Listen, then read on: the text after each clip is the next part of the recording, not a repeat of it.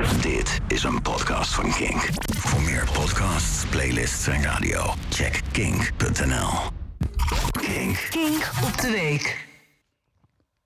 Veel basisscholen houden vandaag de koningsspelen. Spijkerpoepen met een lepel in je mond van de ene kant van het schoolplein naar de andere kant om corona over te brengen. Gewoon gezellig oud-Hollandse spelletjes. Maar kinderen die hebben echt geen koningshuis nodig om een dag lang spelletjes te spelen. Als je dan koningsspelen wil houden, doe dan spelletjes die bij het koningshuis passen. Een, een wedstrijdje pijnlijke familiegeschiedenis verbergen. Eh, De 100 meter dieren afknallen. En natuurlijk, ik vlieg, ik vlieg waar jij niet naartoe mag vliegen en het land is. Hè, nog mazzel dat Willem en Maxima koning en koningin zijn in Nederland en niet in Argentinië. Anders stonden er nu in Buenos Aires allemaal kinderen dissidenten uit vliegtuigen te duwen. maar waarom hebben we koningsspelen? Nou, zodat kinderen al van jongs af aan met de besmette paplepel wordt ingegoten dat een koningshuis iets waardevols zou zijn, iets normaals. Maar het is niet normaal. Die hele familie is niet normaal. Het bewijs? Alexia gaat sinds dit jaar naar school op Hogwarts. Echt, dit gezin krijgt jaarlijks een paar miljoen bijstand en betaalt daarover geen belasting.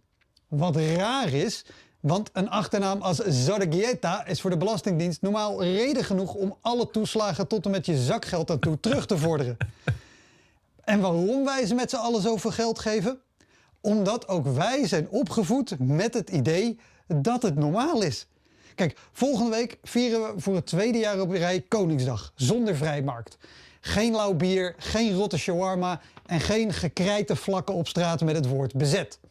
Het laatste is natuurlijk om je plek te claimen, maar het is ook een mooi eerbetoon aan prins Bernhard, die lid was van de Duitse NSDAP. Het is de dag waarop we vieren dat een toch al steenrijke familie nog meer gratis geld krijgt. En waarop het gepeupel een kleedje op straat mag leggen om een paar euro bij te verdienen. En nog schrijnender, het is een van de weinige dagen in het jaar waarop arme gezinnen goedkoop cadeautjes kunnen kopen. Maar geen enkel kind heeft bovenaan zijn verlanglijstje een Nokia 3310 zonder oplader of Home Alone op VHS.